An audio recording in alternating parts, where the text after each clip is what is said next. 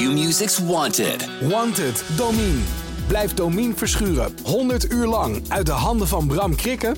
Voorspel en maak kans op 10.000 euro. Volg het vanaf 13 mei bij Q-Music. Zeg John, hoe vaak ben jij al in de bioscoop geweest sinds het weer kan? Eh, niet. Nul. Lekkere filmliefhebber ben jij. Dit is eigenlijk schandelijk. Ja, ik weet het. Maar ja, ik heb alles al gezien. Oh, wacht. Het telt een... eh, ja, we waren wel een keer eh, in de bioscoop. eh, maar dat was net voordat ze open gingen. Zagen we persvoorstelling. Quiet Place Part 2. Die we volgende week in de podcast dan bespreken. Momenteel ook, nou ja, sinds de bioscopen ook in Amerika open zijn. Grote hits. En nou, het meeste opbrengst tijdens de coronapandemie. Dat was ook niet zo heel erg moeilijk natuurlijk. Nee, ik wilde net zeggen, ja. Maar ja, weer zo'n grote blockbuster. Net als wat we vorige podcast eh, hadden we natuurlijk. Nobody en Godzilla vs. Kong. Laten we deze podcast eh, eens even wat meer de focus leggen op wat kwaliteitscinema. Ah, is- jouw snobistische stem is heerlijk. Daar kik ik altijd wel een beetje op. Ingeluid door een acteur die straks in een van die kwaliteitscinema-titels voorbij komt. Hi, my name is Toby Jones, and you happen to be listening to the podcast known as Movie Insiders.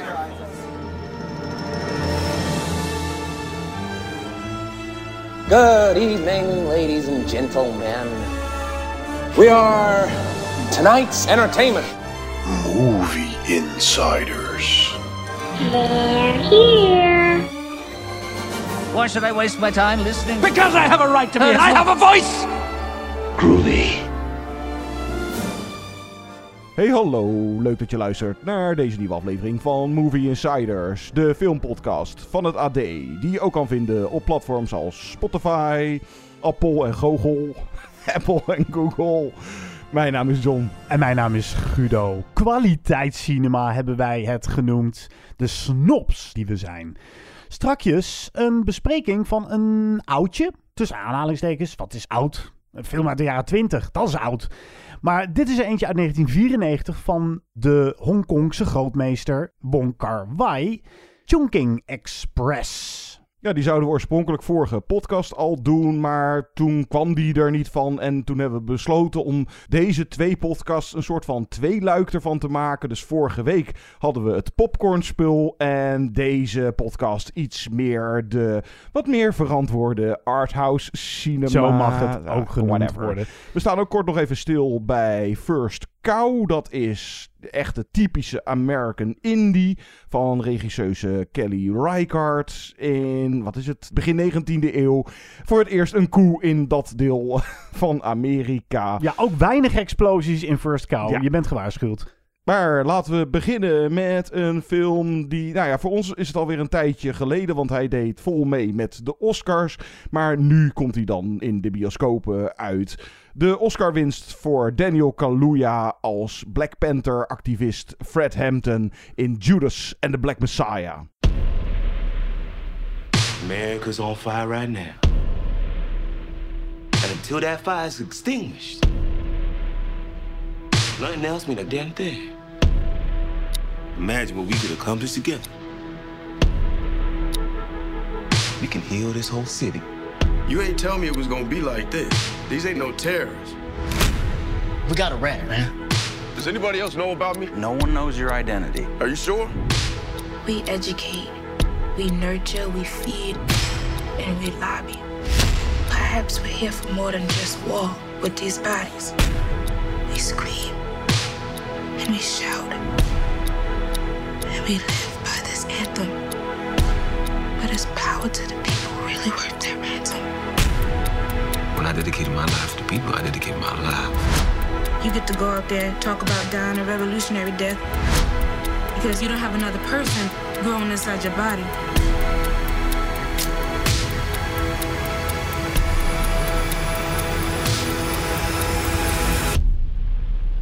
Anywhere there's people, In de overlevering wordt en de geschiedenis naar de hand van de witte chroniqueur gezet en worden handig feitjes weggelaten, zodat de zwarte bevolking net even dubieuzer uit de strijd komt dan de werkelijkheid eigenlijk voorschrijft. Dat vertelde regisseur Shaka King en de Oscar-winnende acteur, hij won het beeldje voor zijn bijrol in deze film, Daniel Kaluuya. mij tijdens een interviewsessie voor Judas en the Black Messiah. Hoe agressief de jacht op de Black Panther-strijders door de FBI was, bijvoorbeeld. En dat deze vrijheidsstrijders zich ook inzetten voor het welzijn van de armen, aan kinderopvang deden en echt niet alleen maar de gewelddadige rebellen uithingen. Oké, een genuanceerde blik op de Amerikaanse historie dus. Super, maar is Judas en the Black Messiah ook daarnaast een film die je inpakt? We starten in 1968 wanneer de jonge charismatische activist Fred Hampton, dat is dus Daniel Kaluuya, die het grote publiek vooral leerde kennen in de horrorhit Get Out, voorzitter wordt van de Illinois-afdeling van de Black Panther Party, die een eind wil maken aan het politiegeweld en de moord op zwarte mensen. Hampton inspireert een hele generatie om in actie te komen tegen de onderdrukking, waardoor hij door de regering, de FBI en de politie als een bedreiging wordt gezien. De autoriteiten willen de revolutie definitief de kop indrukken en gebruikten de zwarte William O'Neill, gespeeld door Lakeith Stanfield, die ook kans maakte op een Oscar, als infiltrant. Deze O'Neill raakt al snel verstrikt in een loyaliteitsconflict. Alvast een milde spoiler alert. Ja, het is gebaseerd op waar gebeurde feiten, dus dan roepen we hier altijd een beetje met enige ironie in onze stem. Spoilers for real life, maar dan weet u dat. Is dit, John, inderdaad een film die vooral de moeite waard is door Kaluuya en of Lakeith Stanfield als respectievelijk Chairman Fred of William O'Neill? Of zijn er ook andere redenen om Judas en the Black Messiah eens te gaan zien? Nou, ik zou hem toch vooral vanwege het acteerwerk Nou, het is meer een geval dat deze film. Het deed me niet zoveel of het had weinig impact op me. En ik ging me al gelijk af zitten vragen. Waar komt dat door? Of waarom is dat? Want het is zeker geen slechte film. En wat ik dus zeg, het ligt zeker niet aan de acteurs. Kaluuya is fantastisch en charismatisch. En Lakeith Stanfield doet het ook prima. En het ligt in principe ook niet aan het materiaal. Dus de basis eh, waar het over gaat. Want dat is interessant genoeg om een gave film op te leveren. ligt het dan misschien aan de aanpak? Uh, dus, nou ja, je zou kunnen zeggen het script. Want het gaat voor de biografische, historische aanpak. Wat je dus ook terugziet in, laat ik het even omschrijven als soort korte pro- en epiloog wat je erbij hebt. Met wat archiefmateriaal aan het, aan het einde van de film. Van die beelden van de echte persoon. En van die tekstjes van. En toen gebeurde dat met die en dat met die. Nou ja, in hoeverre speelt misschien inderdaad ook in mijn geval dan mee. Dat je al bekend bent met de afloop. Maar ik vond het jammer. Of uh, het was voor mij onvoldoende thriller of onvoldoende spanning. Of ik hoopte eigenlijk dat het zo'n film zou worden. Van hè, de infiltrant uh, die namens de FBI daar dan onderdeel van de Black Panthers en wat dat met hem allemaal doet. En het, het zit wel in de film, maar de film maakt er geen thriller van. Er zit wel een ondervragingsscène in aan het begin als hij pas net bij de Black Panthers is gekomen. En er iets gebeurt waardoor hij even in twijfel wordt getrokken. Er wordt wel een keer een pistool op hem gericht. En uh, nou ja, uh, hoe zit dat en hoe zit dat? En het gaat dus voor de biopic. En ik zal me ook wel af te vragen: krijgen we genoeg informatie tijdens deze film voor mensen die niet bekend zijn met deze personen? En speelt misschien ook een rol dat. Nou, je zou het kunnen zien als dat hier. Je hebt twee verhalen: het verhaal van Fred Hampton en het verhaal van William O'Neill.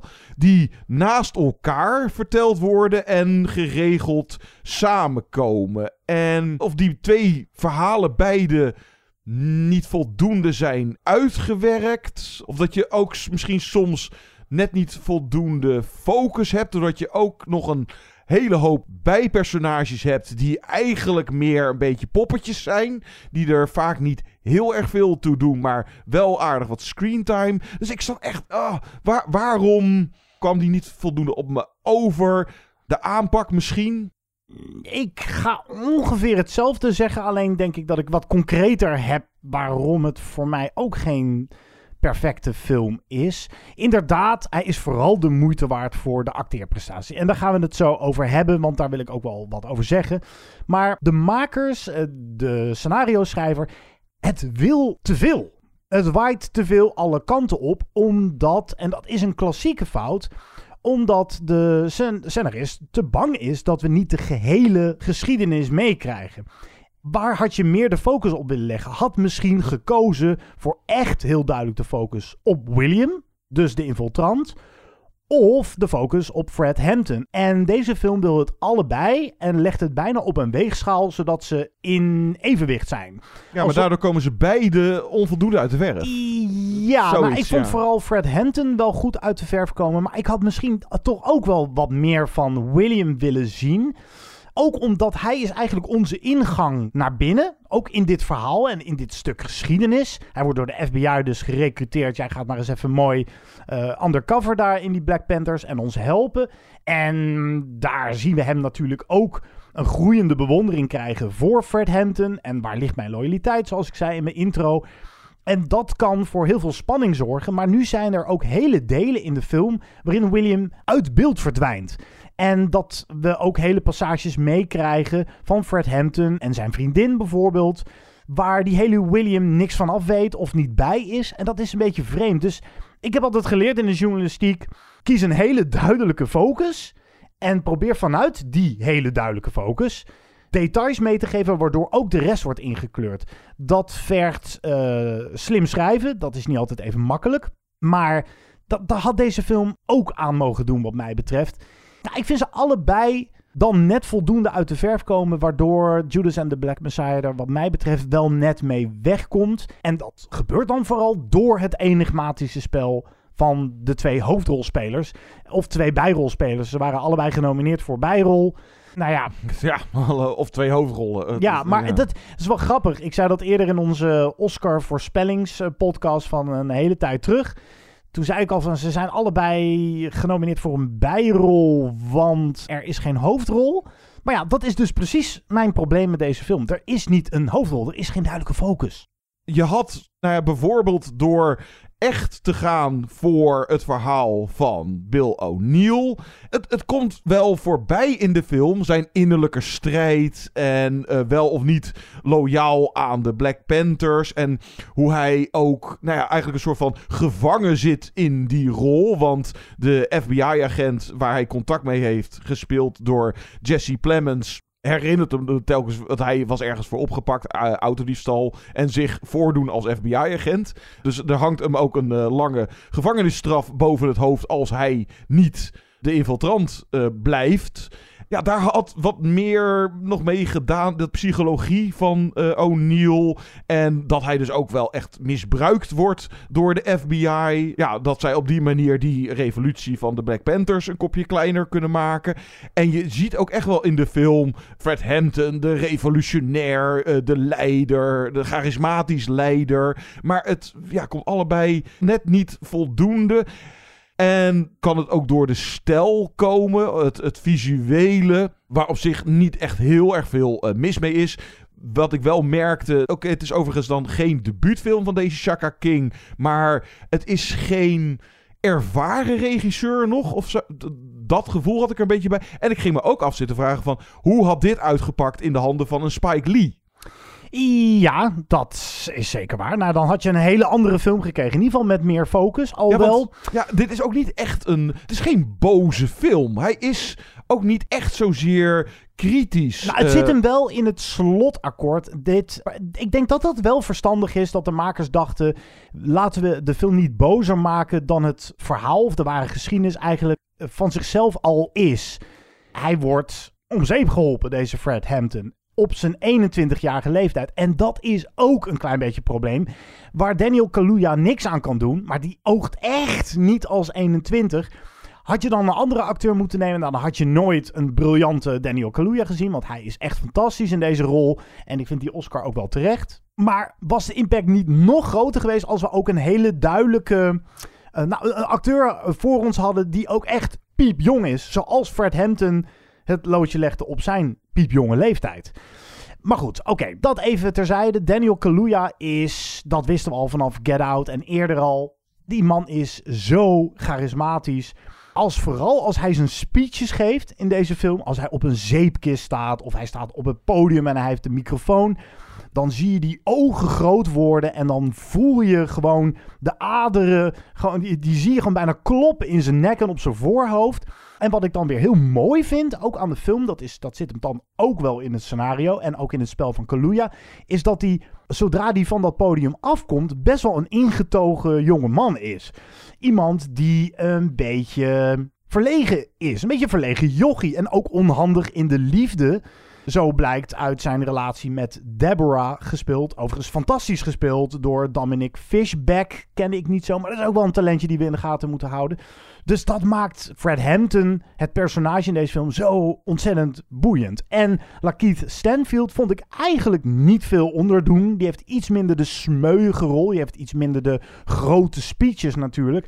Maar Lakeith Stanfield kan dat angstige van oh jee, wat de fuck moet ik nu doen? Want ik begeef me in een penibele situatie. Kan dat heel mooi non-verbaal acteren. Ja, dat vond ik wel zeker. smullen om naar te kijken. Ja, ja het ligt eh, zeker niet aan zijn acteerwerk. Maar lag dan meer misschien aan de manier hoe de film dat verbeelde. Het lag niet aan het acteerwerk. Ja, het is zeker een prima film. Maar het was misschien net niet wat ik eh, hoopte dat of welke aanpak het zou doen, of net niet wat ik ervan verwachtte. De film is niet bepaald revolutionair of niet radicaal of zo. En niet dat dat nou moet. Het, het, het hoeft niet weer een uh, Spike Lee uh, Nee, maar de, de aanpak is wel een beetje veilig. En ja, een beetje... oppervlakkig misschien. Ja, Nou, ik, ik denk dat ik het wel met je kan zijn. Het, het kiest, wat ik al zei, het wed op twee paarden. En het had voor één paard moeten wedden. Had dan een film gemaakt over het tragische lot van William O'Neill. En dat tragische lot wordt echt,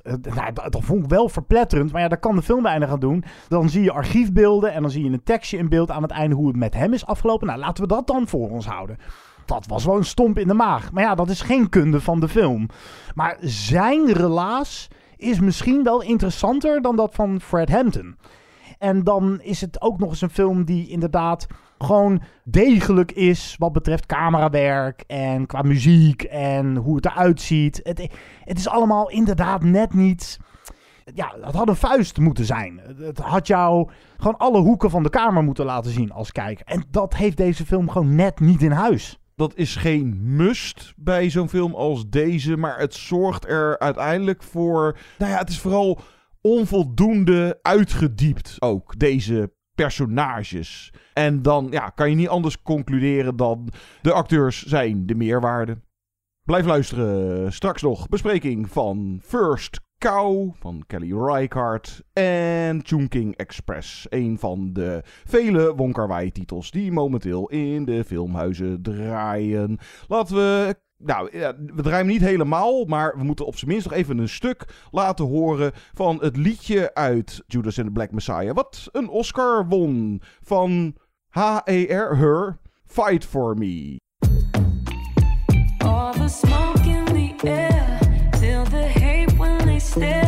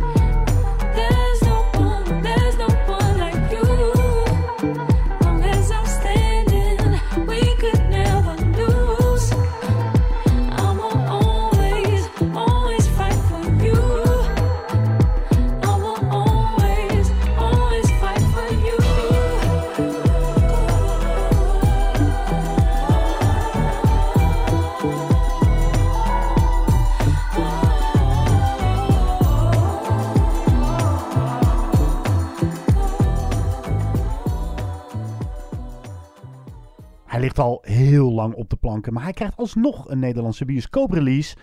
Het minimalistische First Cow. Laten we die koers even melken. You have a cow. First cow in the territory. This ain't a place for cows. Well, it's no place for white men either. I sense opportunity here.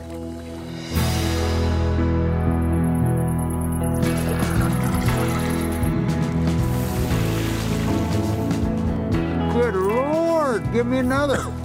I'll give you six ingots for that last one. I taste London in this cake. We have to take what we can when the taking is good. Seems dangerous. So is anything worth doing? A royal cow. And yet she barely produces a thing. Some people can't imagine being stolen from. Let's hope he's one of those.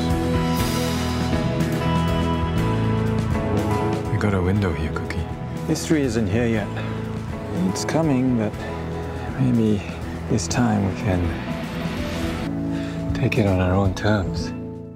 Een van de meest interessante Amerikaanse cineasten is Kelly Reichardt. Voor de fijnproevers zeg ik er dan altijd maar bij. Zij maakt minimalistische films die geen grammetje vet bevatten. Nou, het is maar net wat je onder vet verstaat. Plot is een beetje bijzaak. Dialoog, daar draait het ook niet zozeer om. Het is de camera zetten op een setting. En daar gebeurt iets. En daar gebeurt vaak niet heel veel. Maar toch, als je tussen de regels goed doorleest, misschien juist wel weer heel erg veel. Zo gebeurde dat in Old Joy. Certain Women was een bijzondere film. Meek Scuddoff. Meek Scuddoff. Dat is misschien tot nu toe wel een van mijn favorieten. Daar had ik wel zelf een tweede kijkbeurt voor nodig om hem echt te kunnen waarderen. En First Cow. Nou, ik neem alvast een klein voorsprongetje op wat ik ervan vond. Maar voor het eerst dat een Kelly Reichardt film echt in één keer goed bij me binnenkwam. En dat ik echt een beetje gehypnotiseerd werd. Het speelt zich af zo rond, laten we zeggen, 1820 in Oregon. We volgen Cookie. Dat is een kok die meegaat met een paar pelsjagers. Hij zorgt voor het eten. Oftewel, hij jaagt op eekhoorns en hij plukt wat verantwoorde paddenstoelen. Op een gegeven moment raakt hij bevriend met een Chinese man, King Lu. En ja, de, twee vinden elkaar en vinden elkaar ook in de handelsgeest. Ze gaan namelijk koekjes bakken. En... Nou, volgens mij zijn het oliebollen. Ja, het zijn, het zijn bijna oliebollen. Ja, volgens mij zijn het gewoon oliebollen. Het worden in het vet gegooid. Ja, ik, ik las in sommige Amerikaanse recensies. Ze wisten echt niet wat ze ervan moesten maken ook. Maar misschien dat wij. Ik had ook de associatie met oliebollen. Minus de poedersuiker. Daar hebben ze wel wat melk voor nodig. En die melk tappen ze stiekem van de enige koe in nou, de hele ganse omgeving. En laat die koe het eigendom zijn van een Britse landeigenaar, gespeeld door de man die deze podcast inluidde, Toby Jones. Een film met een traag tempo die op je in moet laten werken. Is dit voor mensen met weinig geduld misschien wel de ultieme horrorfilm, John? Nou, dat weet ik niet. Ja, het is sowieso een film. Je, je, geduld wordt getest. Maar daarin heb je ook weer verschillende soorten. En dit is weer niet van die minimalistische cinema waarin echt helemaal niks gebeurt of zo. Of waar soms mensen een kwartier aan het wandelen zijn. Uh, wat je, nou, nog wel eens in andere van dit soort uh, dingen. Ik zal even geen voorbeelden noemen dan. Maar ja, nee, het is, ja, het moet je ding zijn. Ach, het is weer zo'n term die we er niet tegenaan mogen smijten. Maar uh, laten we dat uh, bij deze dan toch maar even gebruiken. Dit is sowieso inderdaad zo'n ja, corona-slachtoffer zou je kunnen zeggen. Hij is oorspronkelijk uit 2019. En door die hele crisis duurde het een tijdje. Uh, het verraste me überhaupt dat hij hier nog een bioscoop-release krijgt. sowieso zijn er meerdere van dat soort titels die dan dus alsnog hier een bioscoopscherm zien. Het begin van deze film is eigenlijk ook wel interessant. Want dat speelt zich in nu, de moderne tijd, af.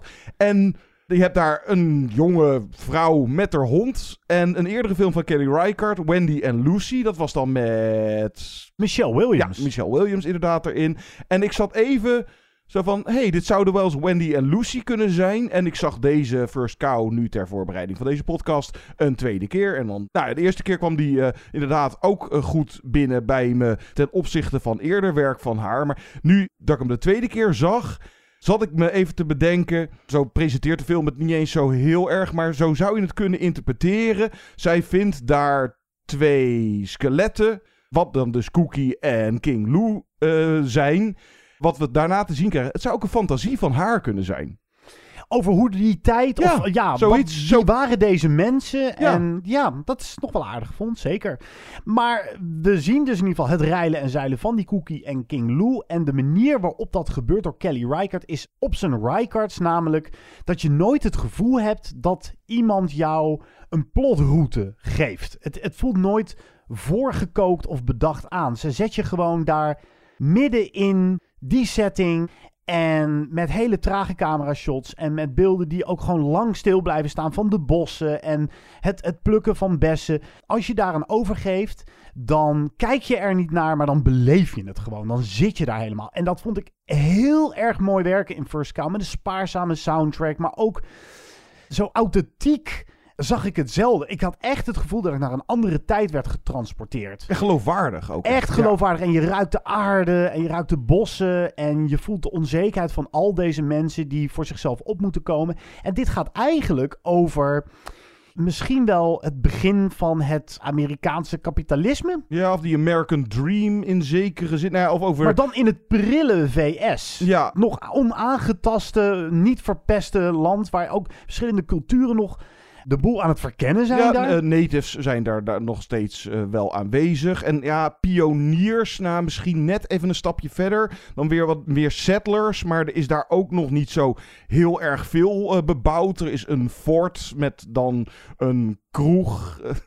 Een van mijn favoriete momenten is als Cookie daar arriveert en een whisky bestelt. En een eh, andere vent komt binnen. Ja, let even op mijn baby. En die gaat een pot- potje lopen matten met iemand anders die hem loopt uit te lokken. Nou, daar moet je er veel voor zien, maar die is geweldig. Maar ja, een fort en, en verder inderdaad. Het is allemaal ja, wat, wat hutjes en bos en wildernis. En ja, gewoon die hele setting. Maar de American Dream, of nou ja, ondernemersdrift. Ja, ondernemers. En dan eh, geest, vooral ja. bij eh, deze twee, het meeste nog wel bij King Lou, maar bij beide het iets toch willen bereiken in die tijd of eh, in het leven. En het is vooral de bijzondere en geloofwaardige vriendschap tussen deze twee. En ook bijzondere karakters. Eh, ik heb niet eerder, geloof ik, zulke figuren. Nou, het zijn een beetje buitenbeentjes. En op de een of andere manier een goede match. Doordat, ze een beetje hetzelfde idee hebben. Of een beetje hetzelfde in het leven staan. Of dezelfde opvatting hebben. Daardoor vormen ze een goed team. En dan inderdaad samen, nou, het idee, laten we die oliebollen. Wat op dat moment een, eh, ja, ze, ze zijn in trek. Een gouden handeltje. Ja, ze staan in de rij voor die, voor die krengen. Ja, en daar verdienen ze leuk geld mee. Wat ik er vooral heel mooi en bijzonder en ook schrijnend aan vond tegelijkertijd, is dit zijn twee hele pure zielen. Dit zijn geen mensen die kwaad willen doen. En toch moeten ze wel op de een of andere manier, worden ze het systeem van hebzucht en corruptie ingezogen omdat ze voor zichzelf moeten opkomen. Of ze Je konden wil- ook bijna niet anders. ja, en daarom gaat het ook voor mijn gevoel over het onvermijdelijke van kapitalisme. En dat is wat bleef hangen. En dat vond ik ook creepy. Weet je, in hoeverre is dat, zelfs als je de goedheid zelf bent, als Cookie, weet je, die bijna een, een feminine touch heeft. Op een gegeven moment eh, mag hij voor het eerst het huis in van King Lou. En King Lou zegt ook, maak het jezelf eh, eh, gemakkelijk. En in plaats van dat hij gewoon lekker een drankje gaat nuttigen, gaat hij, pakt hij de bezem en veegt hij de boel aan elkaar. Dus ik denk dat het, aan elkaar kun je niet vegen, bij elkaar vegen. Maar ik denk dat dat, aan elkaar vegen. Het vuil aan elkaar vegen. Goed zo, Guido. Ja, het is maar hoe je het... Maar ik denk dat dat eh, bewust is gedaan. eh, dat in dit verhaal juist deze diep onschuldige wezens. Ja, om verder te kunnen komen in het leven. toch ook zich moeten vertillen aan. Ja, melkjatten. Ja, aan, aan stelen. Ja. Ja. en dat is toch wat ze doen. En ze voelen zich er ook echt ongemakkelijk bij. Maar dit is ook zo'n film waarin een vluchtpoging, als ze worden gesnapt, even belangrijk is als het plukken van paddenstoelen in een bos. En dat is Kelly Reichardt. En daarmee legt ze dus geen enkel accent. Er, er zit geen woord, geen, geen noot op de soundtrack te veel in. Het is allemaal gewoon belevingscinema. En daar moet je misschien, het, ik vind het ook rot om te zeggen, voor in de stemming zijn. Of daar moet je voor in de wieg gelegd zijn als kijker. Maar ik denk wel dat als je dit een, echt een serieuze kans geeft en dit over je heen laat komen. Advies, wacht nou niet tot hij op VOD is, maar kijk hem echt in de bioscoop. Want dan kun je ook moeilijk uit je stoel weg. Dan geef je er misschien langzamerhand aan over. En dan zou het zomaar kunnen zijn dat je zoals ik, nog heel lang na het zien van die film aan het ronddolen bent in die bossen in je hoofd. In dat wereldje inderdaad Ja. een beetje. Ja, het is een ongebruikelijke western, zou je het inderdaad wel kunnen noemen. Met een ongebruikelijk verhaal en personages en setting ook wel. Hij is dan geschoten in beeldverhouding 4 bij 3. Dus het is iets meer vierkant. Met eh, sowieso eh, prachtige shots erin. Met denk ik alleen gebruik van natuurlijk licht.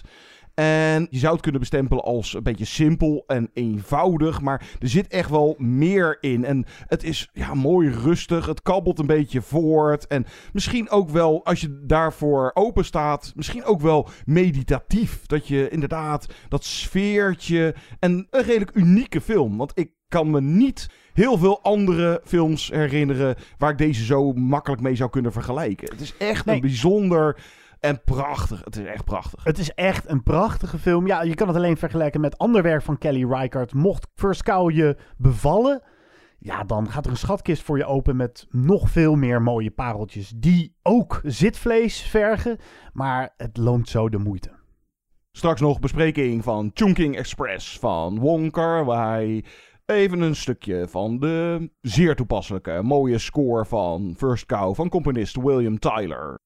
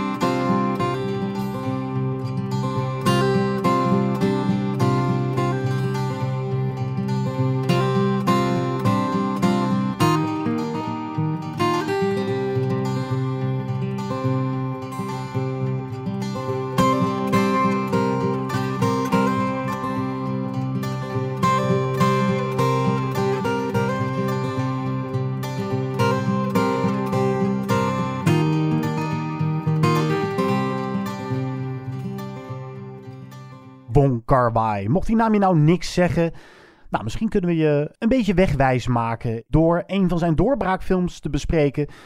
De belangrijkste titels uit zijn oeuvre zijn namelijk te zien, verspreid over het land in verschillende theaters. Dit is uit 1994 Chungking Express. Gaan we rewinden? I have to go back into the past once more. Just once more.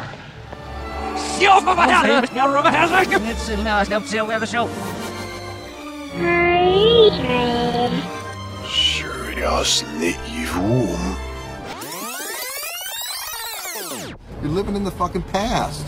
3,000 years of beautiful tradition from Moses to Sandy Koufax. You're goddamn right I'm living in the fucking past! “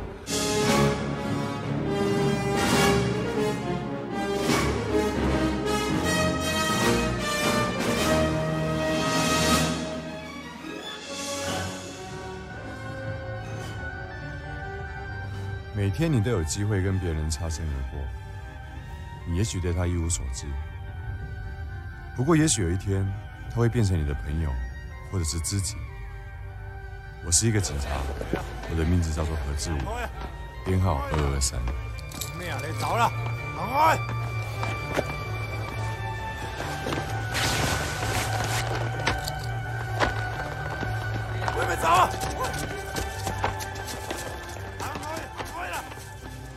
Ja, zes films. Iets meer dan de helft van het oeuvre van de gelauwerde Hongkongse cineast Wong Kar-wai zijn momenteel in gerestaureerde versies in de filmtheaters te zien, waaronder zijn bekendste meesterwerk In the Mood for Love en dus deze Chungking Express. Dit tweeluik gaat over twee melancholische politiemannen die verliefd worden. De een, agent 223, op een mysterieus onderwereldfiguur, vrouw met blonde pruik. En de ander, agent 663, op de excentrieke medewerkster van het eetentje waar die vaak komt.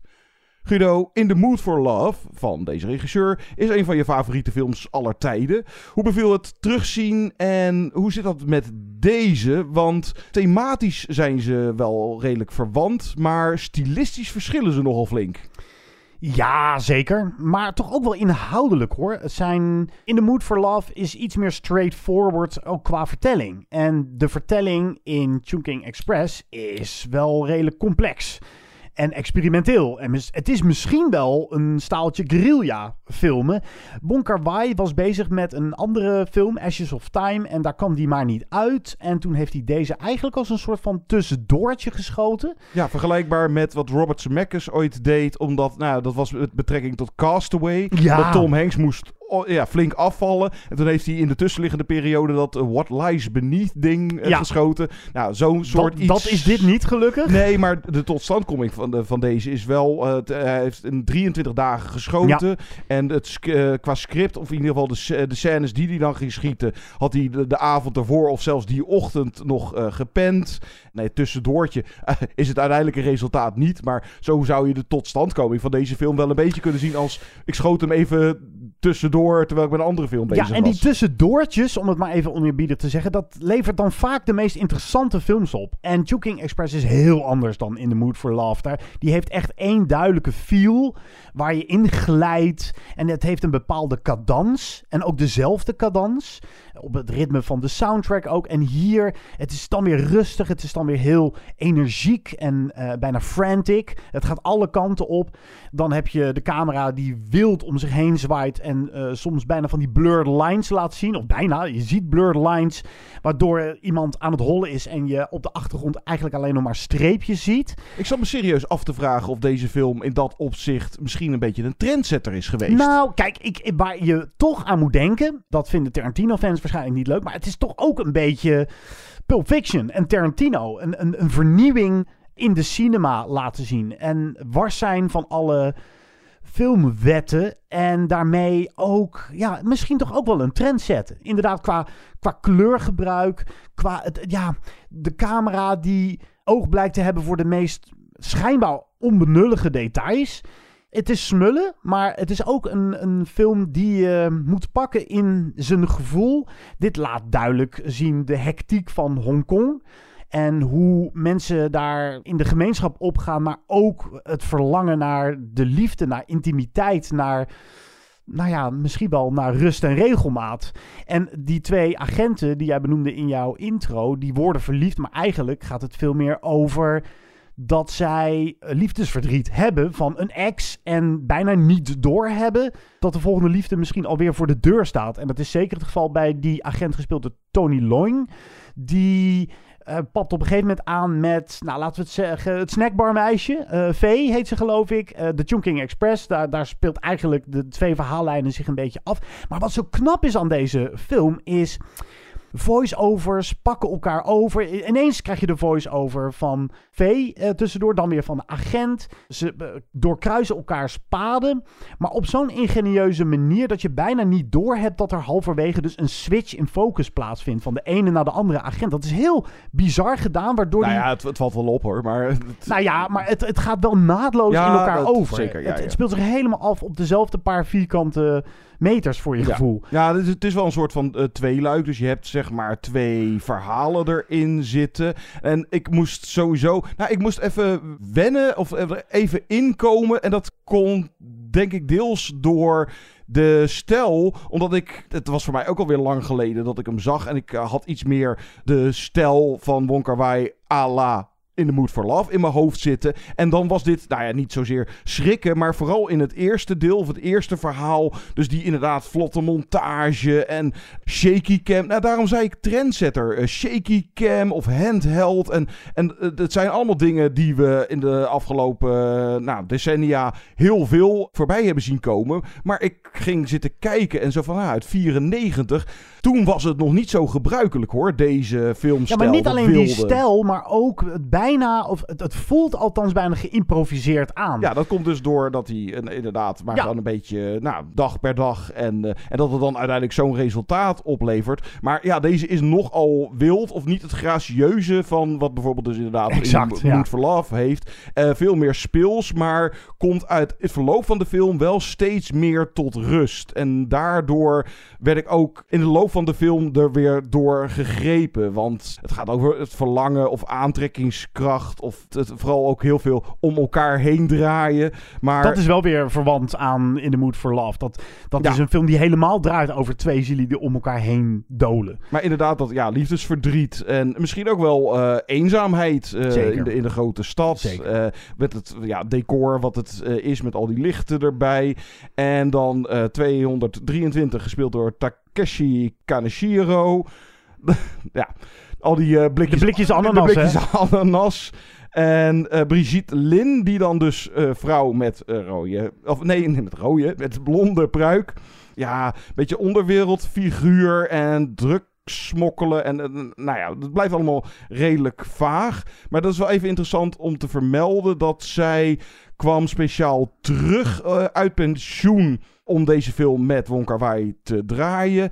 En dit was dan uiteindelijk ook weer een van de laatste films waar zij in meespeelde. En Maggie Chung, die niet in deze zit, maar dan in The Mood for Love, is ook zo'n gerenom- Gevierde, eh, ja. gevierde. En dat eh, is volgens mij... Weet je, de Greta Garbo van Hongkong of zo? Een beetje een nou ja, trend, of dat, dat, eh, dat, dat viel me op. Het is heel veel gebeurd dat grote Chinese actrices, zo rond de 40, gaan ze gewoon met pensioen en start, beginnen ze een gezinnetje. En dat is wel vaker voorgekomen.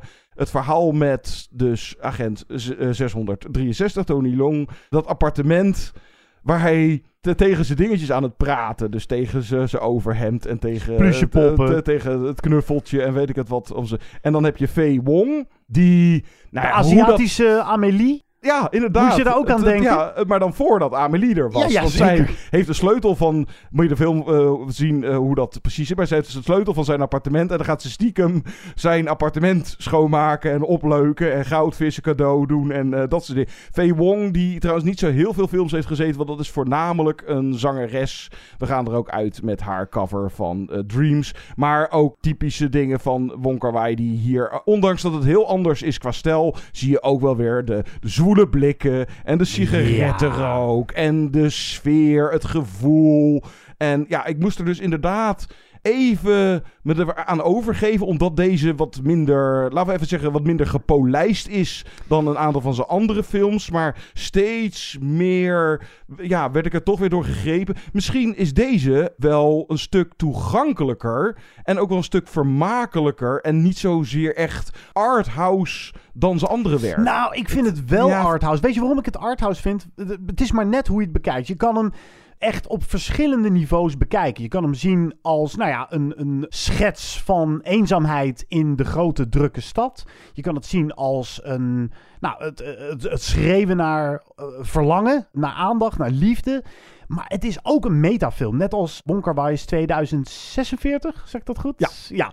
Dit is ook een film met allemaal dubbele lagen erin. Waarin de ene verhaallijn commentaar levert misschien wel op de andere. En vice versa. eh, die eh, elkaar spiegelen. Eh, die misschien wel eh, ook in, in, in deels in fantasieën spelen. Je kan het op zoveel verschillende manieren zien. En daarom denk ik dat Chungking Express een soort blijvende aantrekkingskracht heeft. En het kan ook een film zijn die je, waar je je kapot aan er- kan ergeren. Als je Ja, hem kan- in de ja. verkeerde bui eh, ziet. Maar wat ik er prachtig aan vind, en dat, dan spreekt even de cinefiel in mij. Je kijkt naar een film van iemand waarbij je gewoon weet dat hij de camera moet pakken en zijn, nou, zijn artistieke expressie op het, op het doek moet, moet, moet flikkeren. Hij moet iets met zijn kunnen doen.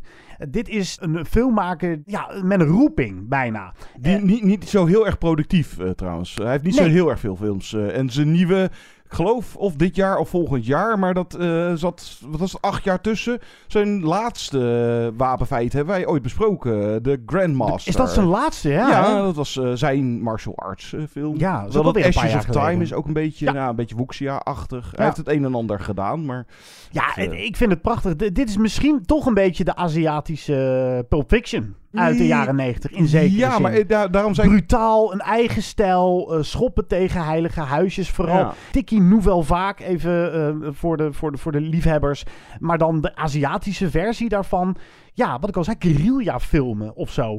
En Wong Kar Wai is later steeds meer, nou, nou, conventionele films gaan maken. Dat vind ik ook weer zo rot klinken. Want hij heeft echt zijn eigen stijl ontwikkeld. Maar dit is een soort van vingeroefening. Waarin alles van zijn latere werk al ja, in de grondverf staat. Ja, maar ik, ik, ik zei ook toegankelijker dan misschien ander werk van hem. Omdat je, als je even de, de, de stijl opzij legt. Of, uh, je, je kan dit ook als een vermakelijke romantische comedy kijken. Dat kan. Nou, nog een niveautje waarop je hem kan zien. Ja, inderdaad. inderdaad. Ja. Het, uh, of de, tijdens de afgelopen lockdown. dat je dan, net zoals Tony Long, dat je dan tegen je vaatdoekje gaat praten.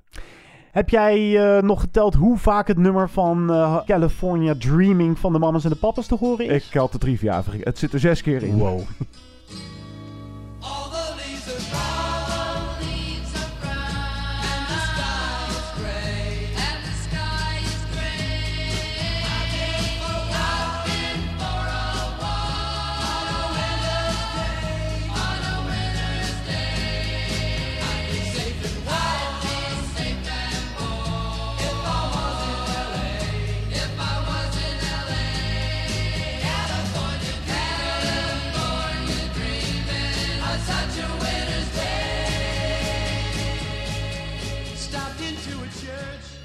Dit was hem voor deze week. hey, wacht even, geen top 5?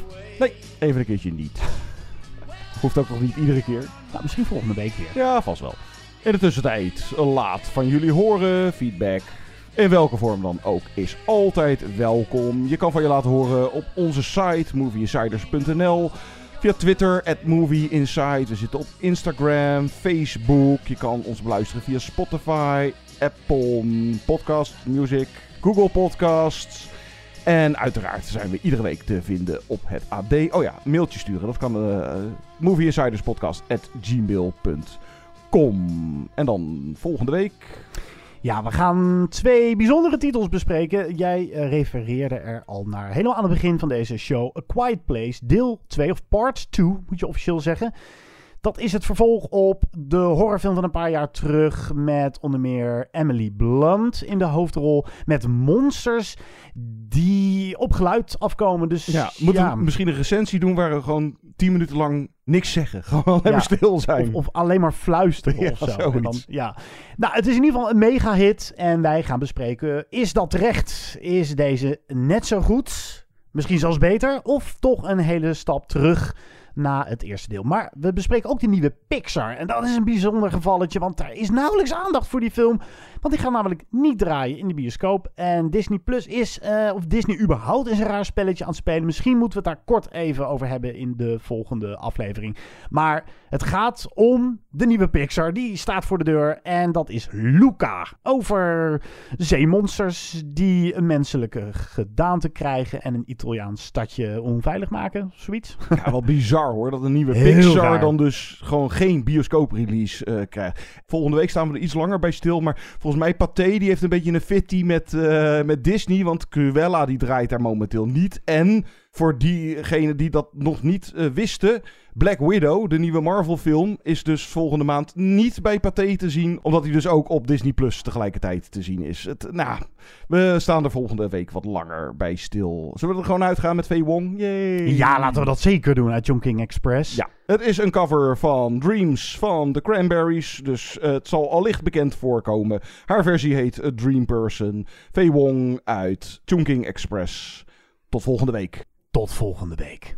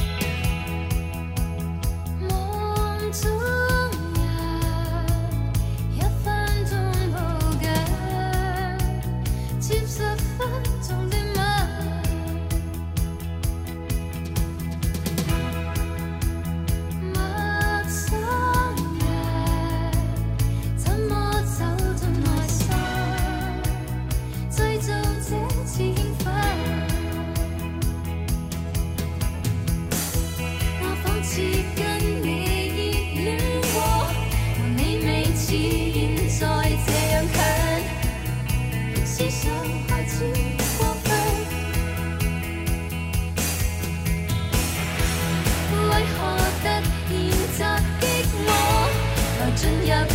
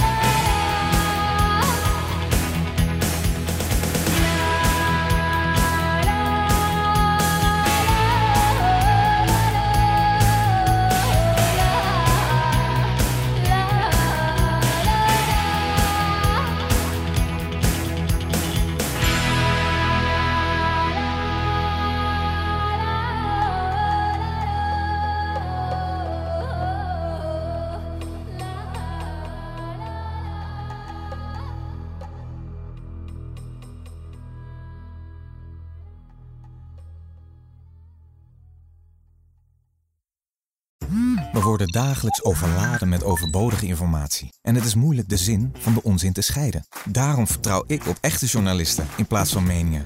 Een krantenmens heeft het gemakkelijk. Word ook een krantenmens en lees je favoriete krant nu tot al zes weken gratis. Ga snel naar krant.nl. Bezorging stopt automatisch en op deze actie zijn actievoorwaarden van toepassing.